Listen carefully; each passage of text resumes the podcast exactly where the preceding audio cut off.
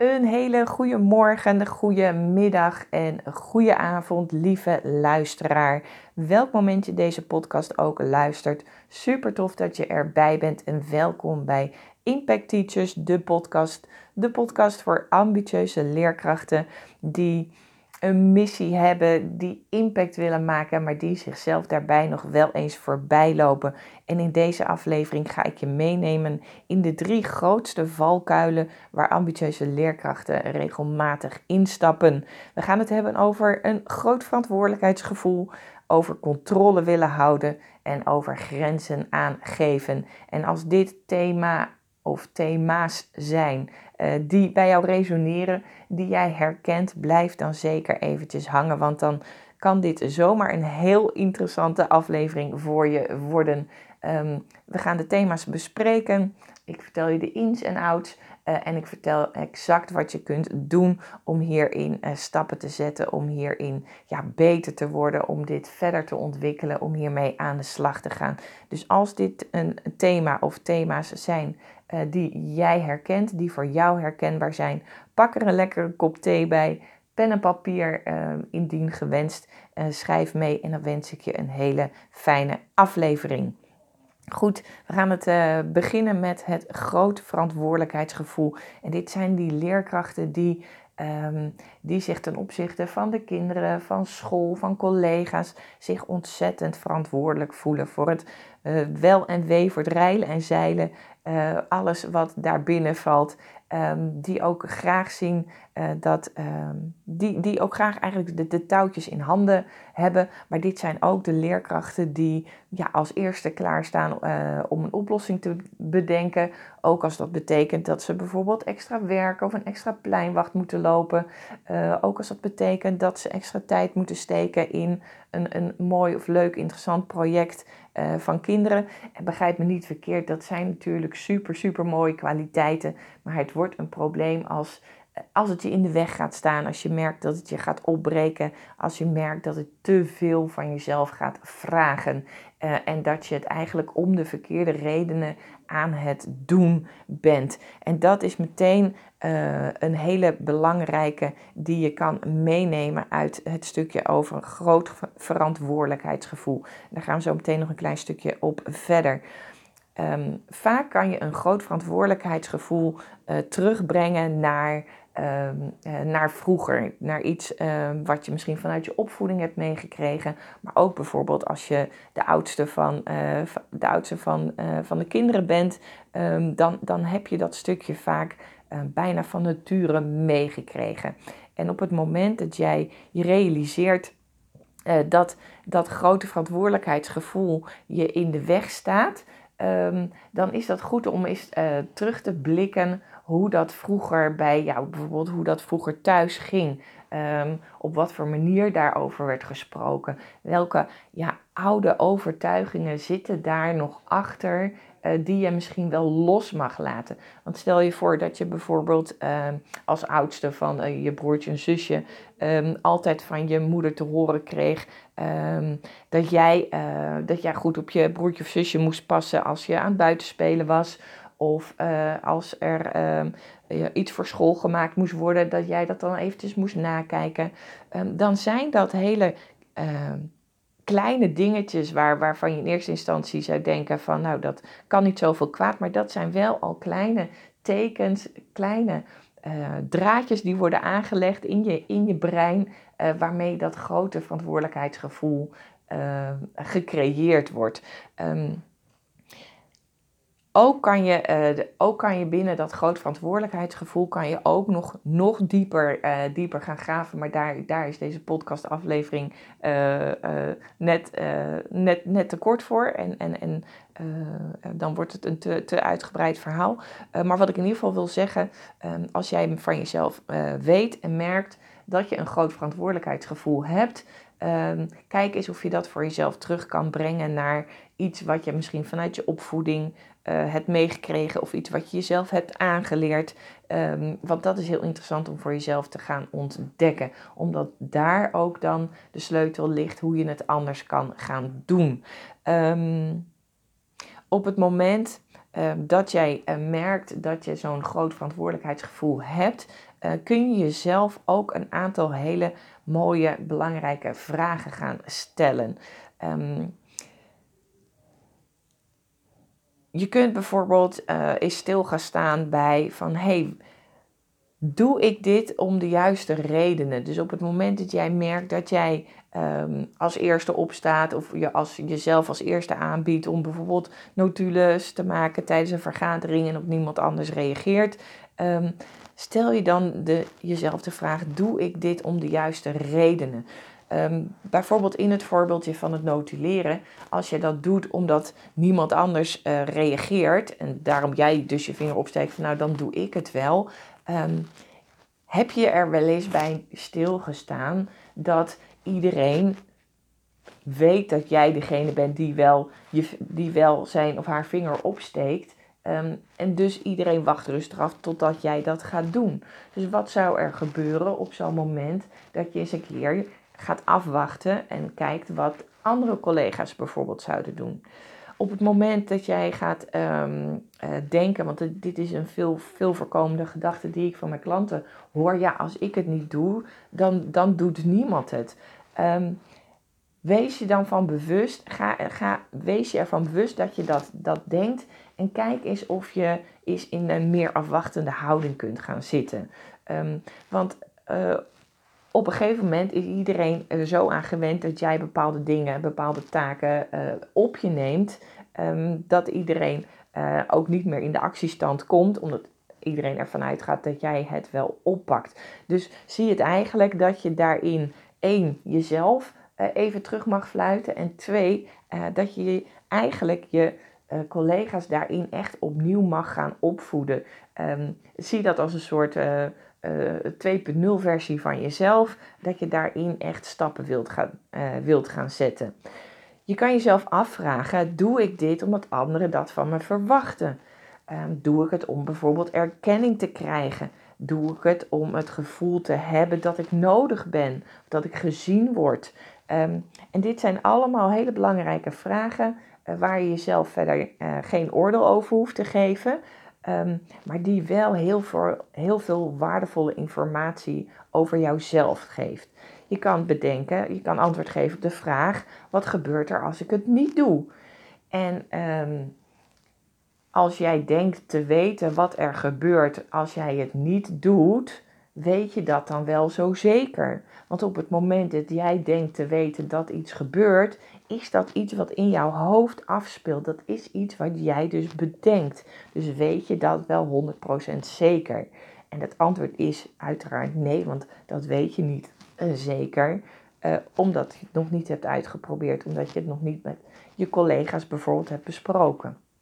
Ja, dus op het stukje groot verantwoordelijkheidsgevoel hebben, um, uh, wat overigens um, niet per se een goed of een fout is. Um, Pas op het moment, en dat geldt eigenlijk voor alle drie de valkuilen, pas op het moment dat je merkt dat het je in de weg gaat staan, dus dat het ten koste gaat van jou, uh, dan is het goed om er naar te kijken. Want het heeft natuurlijk ook heel veel voordelen. Uh, maar op het moment dat jij merkt dat het je in de weg staat, dan is het goed om dat eens wat meer onder de loep te gaan nemen en uh, jezelf de vragen te stellen om daarin ehm, ja, waardevolle informatie over jezelf te krijgen. En weet dus ook um, dat, uh, dat het heel vaak te herleiden is naar iets wat, wat je ja, in, in, in je jeugd hebt meegemaakt, wat je in je opvoeding hebt meegekregen. Um, dus het komt ook ergens heel erg logisch vandaan. Uh, daarvoor is het dus ook niet goed of fout. Maar op het moment dat jij dus merkt dat het je in de weg gaat staan, dan is dat ook een teken dat je erop mag vertrouwen dat je het anders mag gaan doen. En ik zeg altijd: begin dan met gewone kleine stapjes. Het hoeft niet meteen uh, hals over de kop uh, groot worden aangepakt en. Ehm, want dat, dat is gewoon niet haalbaar. Dat is ook niet naar jezelf um, reëel. Dus ga daar gewoon in kleine stapjes dan mee aan de slag. Dus stel jezelf die belangrijke vragen en kijk dan gewoon heel praktisch wat het dan zou betekenen wat jij dan anders kan doen. En dat kan gewoon met hele kleine dingetjes. Dus dat je met jezelf bijvoorbeeld afspreekt dat je niet als eerste meteen met een oplossing komt, maar dat je gaat afwachten wat er precies gebeurt. Of dat je um, je collega's bijvoorbeeld gaat bevragen van hé, hey, wat zullen we doen? In plaats van dat jij meteen al met een kant-en-klaar uh, idee um, aanpakt. En het voordeel daarvan, en dat ga ik straks bij het stukje controle houden nog verder uitleggen, is dat, dat je ook ten opzichte van jouw collega's um, je spreekt ze ook op andere dingen aan. Dus er worden ook andere dingen van je collega's gevraagd. En daarmee uh, draag je ook nog eens bij aan de ontwikkeling van je collega's. Want op het moment dat jij eigenlijk daarin alles uh, bij jezelf houdt en doet, um, kunnen je collega's bijvoorbeeld lekker op hun billen achteruit blijven uh, leunen. En, uh, en gebeurt er op dat vlak voor, voor hen ook niets. Dus dat is een, een, een mooie side note om eventjes mee te nemen. Nou, dan rollen we door naar dat stukje controle willen houden. Want het ligt super dicht bij elkaar, heeft ook zeker met elkaar te maken. En um, dat stukje controle willen houden, dat zijn echt vooral uh, de leerkrachten die het liefst ja, eigenlijk alles zelf willen doen. Die alles in eigen beheer willen uh, houden. Die het liefst ook het op een bepaalde manier uh, alles doen, hebben klaar liggen. Uh, ze hebben vaak een super strak opgeruimd lokaal, een opgeruimd bureau, een keurige planning, een keurige organisatie. Zijn heel vaak heel preventief. Um, zijn soms uh, zelfs perfectionistisch te noemen. En jongens, ik bedoel dit absoluut geheel zonder oordeel. Um, en zeker over dat stukje, stukje perfectionisme. Um, ik, ik weet van eh, veel van mijn klanten die, die, die hebben dat stukje perfectionisme waar ze, waar ze tegenaan lopen. En dat herken ik. Ik herken het ook van mezelf. Ik heb daar ook jarenlang tegen aangelopen. Totdat ik op een gegeven moment de switch heb gemaakt van.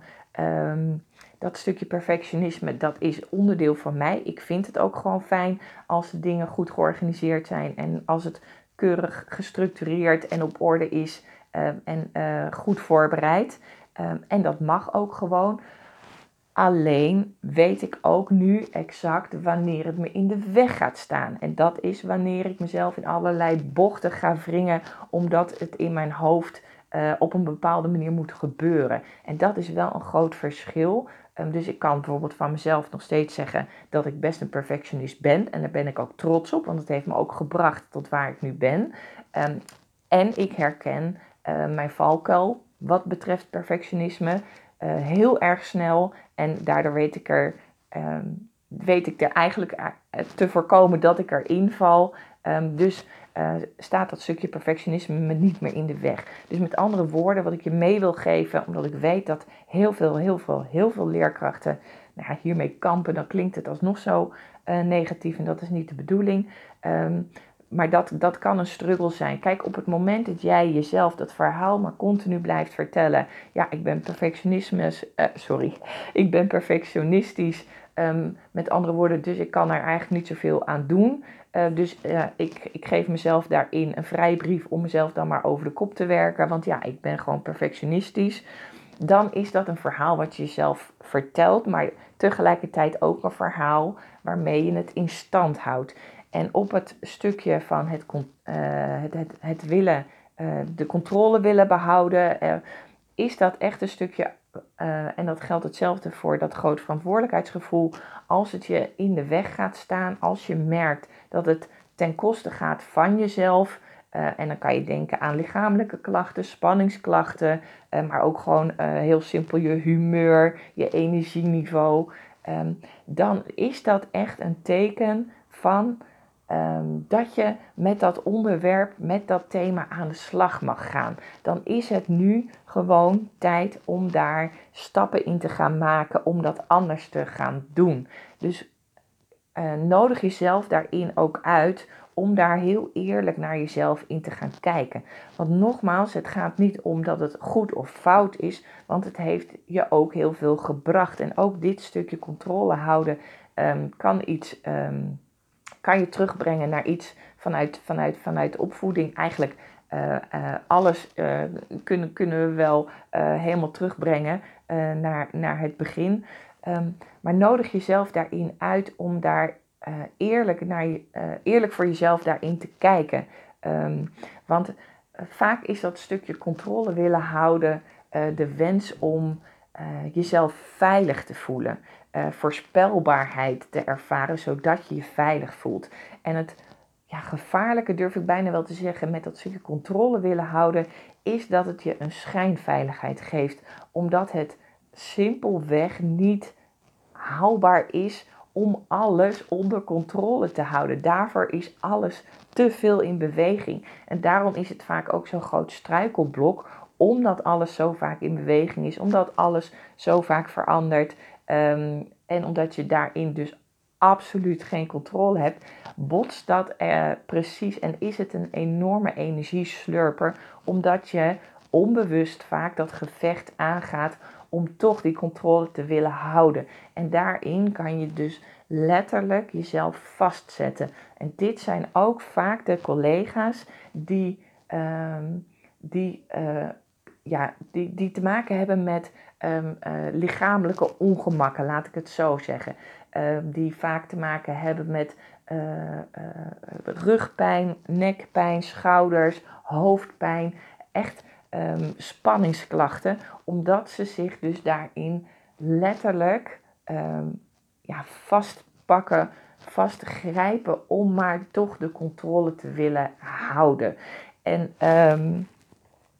als dit iets is wat jij uh, herkent, Ehm, dan, dan is het één al super, super fijn dat je het herkent van jezelf. En zie het dan ook echt als een uitnodiging om, uh, om daarmee aan de slag te gaan. Om dat anders te gaan inkleden. Om jezelf daarin echt een ander verhaal te, uh, te vertellen. Um, realiseer je dus dat die controle um, dus echt je een schijnveiligheid biedt uh, en dat je dat stukje echt los mag gaan laten. En een heel, um, een heel mooi voorbeeld, en die gaat eigenlijk samen met uh, dat grote verantwoordelijkheidsgevoel, is wanneer je bijvoorbeeld werkt met een, met een duo-partner. Um, wanneer je werkt met een duo-partner, dan ben je heel erg geneigd om ook daarin graag alles in eigen beheer te hebben. Kan het zomaar zijn dat je werkt met een, een, een to-do-lijst uh, waar je je ontzettend verantwoordelijkheid, verantwoordelijk voor voelt, omdat je met je duo-collega collega hebt afgesproken: oké, ik doe dit en ik doe dat. En op het moment dat het jou niet lukt om de to-do-lijst af te maken, uh, dan hè, schuift dat uh, wellicht door naar je duo-collega. En um, dat vind je dan vervelend en uh, dus beslis je, uh, even in het voorbeeld, hè, dus beslis je bijvoorbeeld dat je die middag nog wat langer doorgaat, zodat je je to-do-lijstje af kan maken, zodat het niet op het bordje van jouw collega terechtkomt. Um, en wat er daar dus gebeurt, um, daar gebeuren eigenlijk verschillende dingen. Op dat moment ga je, um, hè, ga je met, met jouw eigen verantwoordelijkheid, uh, gevoel, worstel je eigenlijk omdat je vindt uh, alles op mijn lijstje moet gewoon af.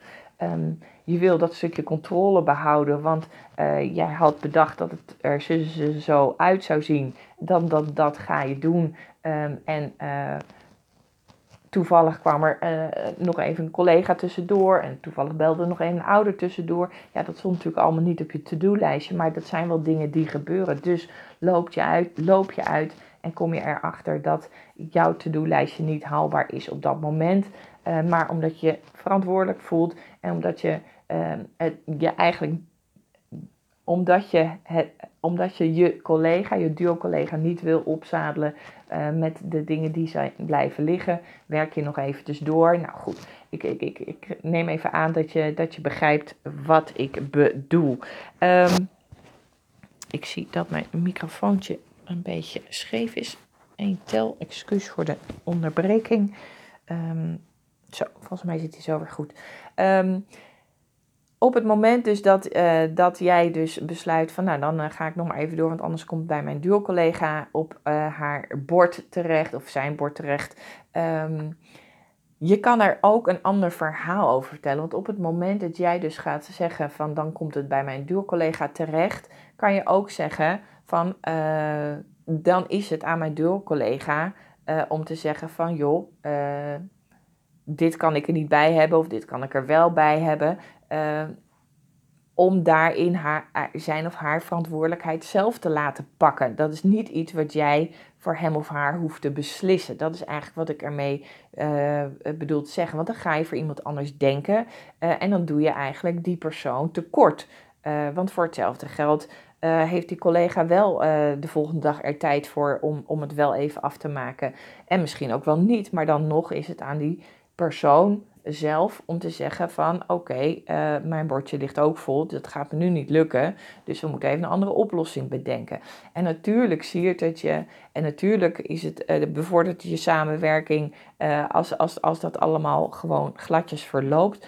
maar mij gaat het er nu eventjes om dat je realiseert um, dat je ook met andere dingen daarin te maken hebt en dat je daarmee ook um, de ja, de groei en de ontwikkeling uh, van je collega eigenlijk weghaalt. Want ja, wie ben jij om nou te denken dat uh, jouw collega niet voor zichzelf kan opkomen, bijvoorbeeld?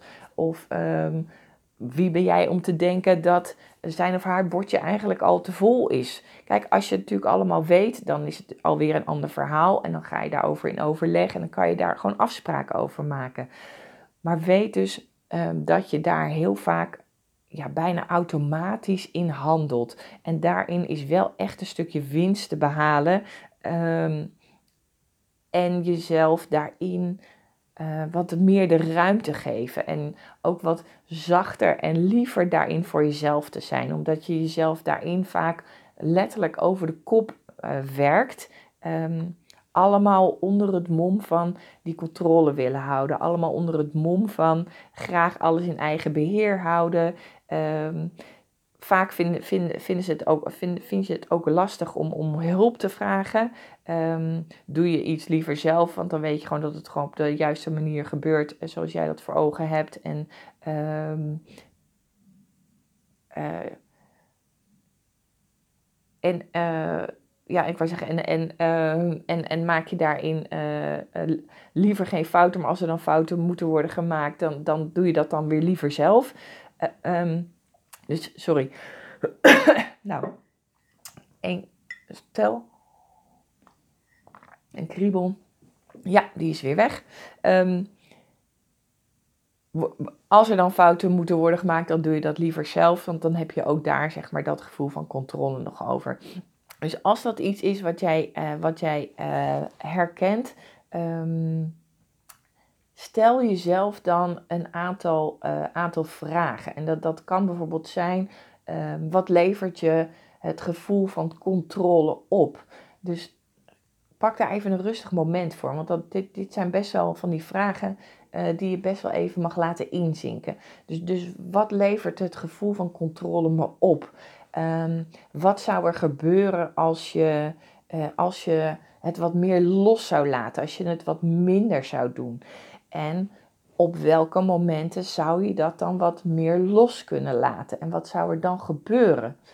En um, als je voor jezelf een aantal kleine stapjes daarin kan zetten, als je voor jezelf een aantal kleine praktische voorbeelden weet waarmee je, je eigenlijk kan gaan spelen, waarmee je kan gaan oefenen.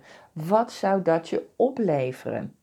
En dat is echt een hele mooie vraag. Want wat zou het je opleveren als je daarin wat meer los zou gaan laten? Als je daarin um, wat minder streng voor jezelf zou zijn? Als je jezelf daarin de ruimte gunt om uh, fouten te mogen maken? Dus wat zou dat je opleveren? Wat staat er nog in de weg om dit in kleine stapjes meer los te gaan laten. Want als je merkt dat je uh, in een cirkeltje blijft rondlopen en dat stukje controle blijft, ja, blijft een onderdeel, kijk dan eens wat er dan in de weg staat. Waar ben je echt bang voor? En maak dat zo praktisch mogelijk. Um, en kijk waar jij uh, al gewoon kleine dingetjes meer los zou kunnen laten en onderzoek anders wat er dan nog in de weg staat om dat te gaan doen. Oké, de laatste valkuil, grenzen aangeven.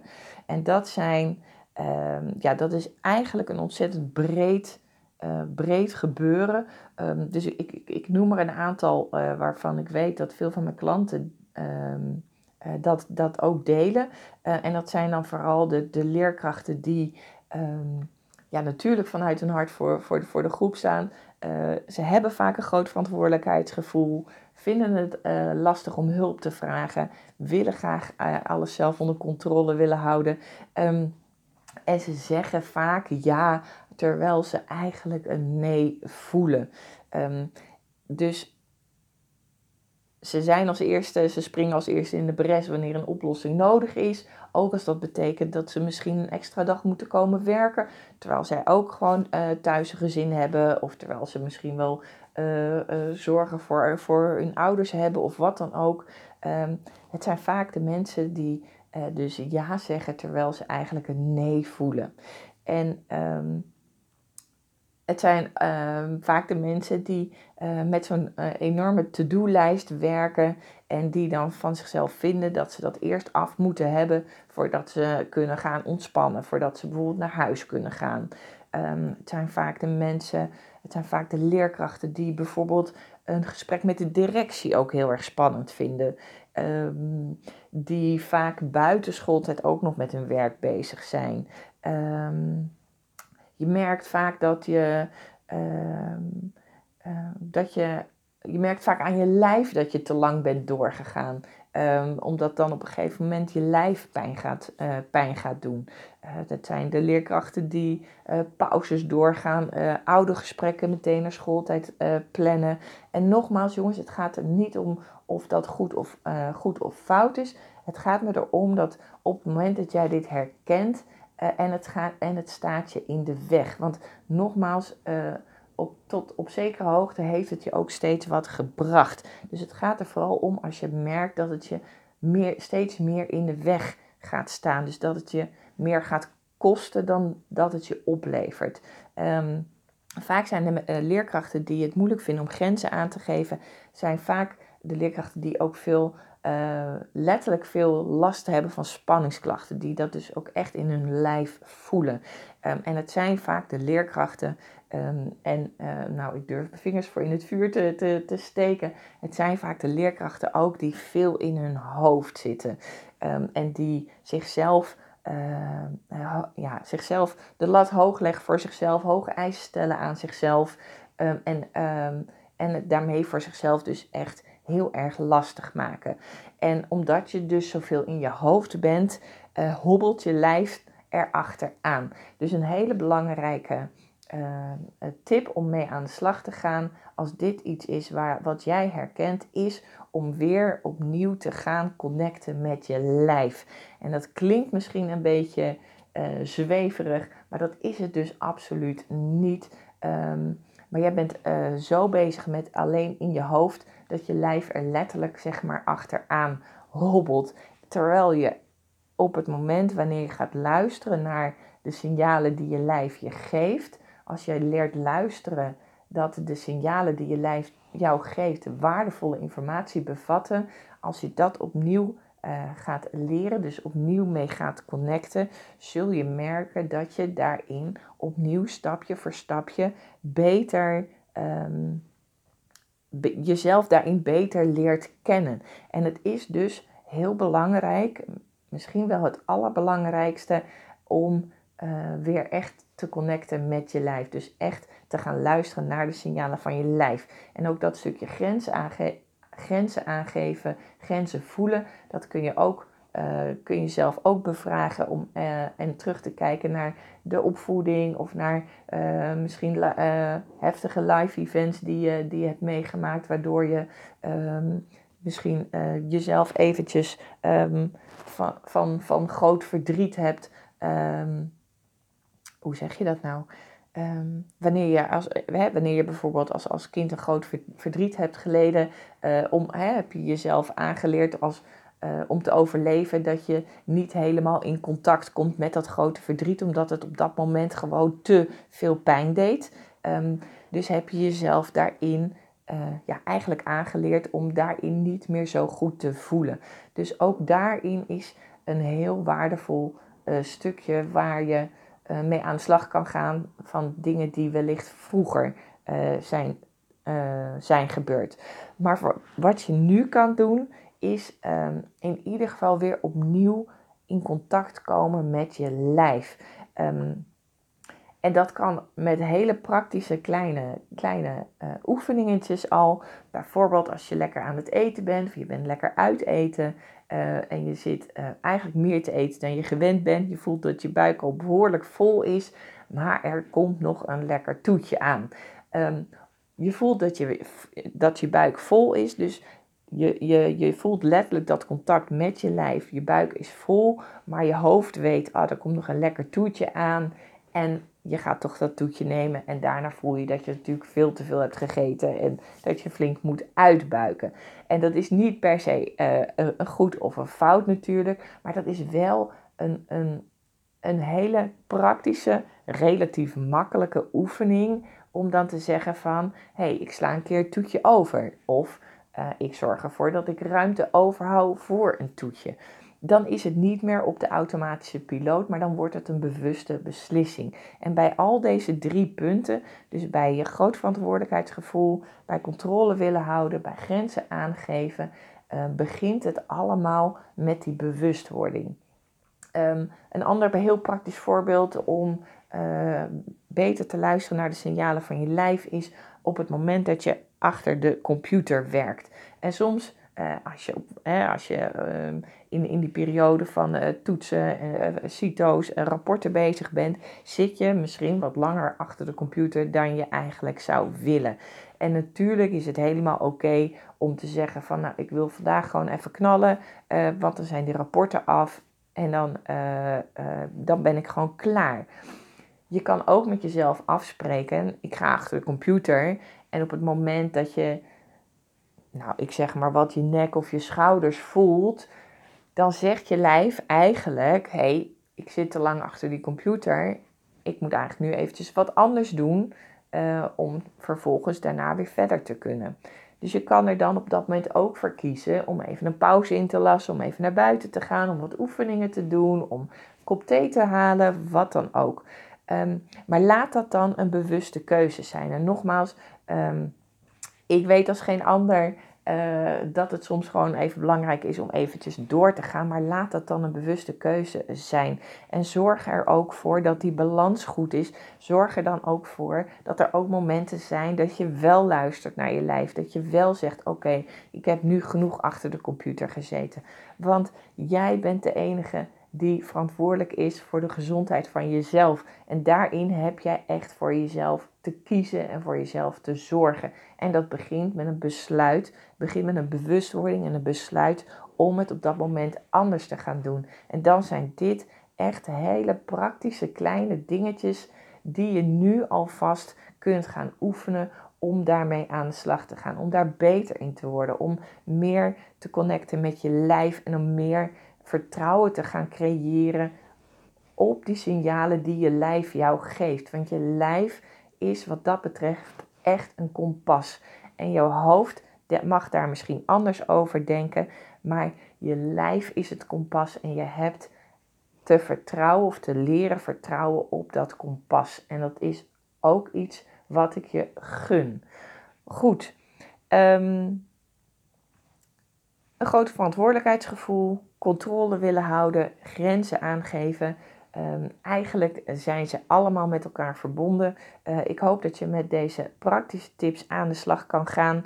Um, weet dat we in, het, uh, in mijn nieuwe groep, groepsprogramma Level Up ook met deze onderwerpen uitvoerig aan de slag gaan. En dat we daarin een stukje dieper gaan. Um, uh, omdat binnen de 1 op 1 coachings kunnen we inderdaad uh, uh, gaan kijken van waar het vandaan komt en wat we daarin nog op te ruimen hebben.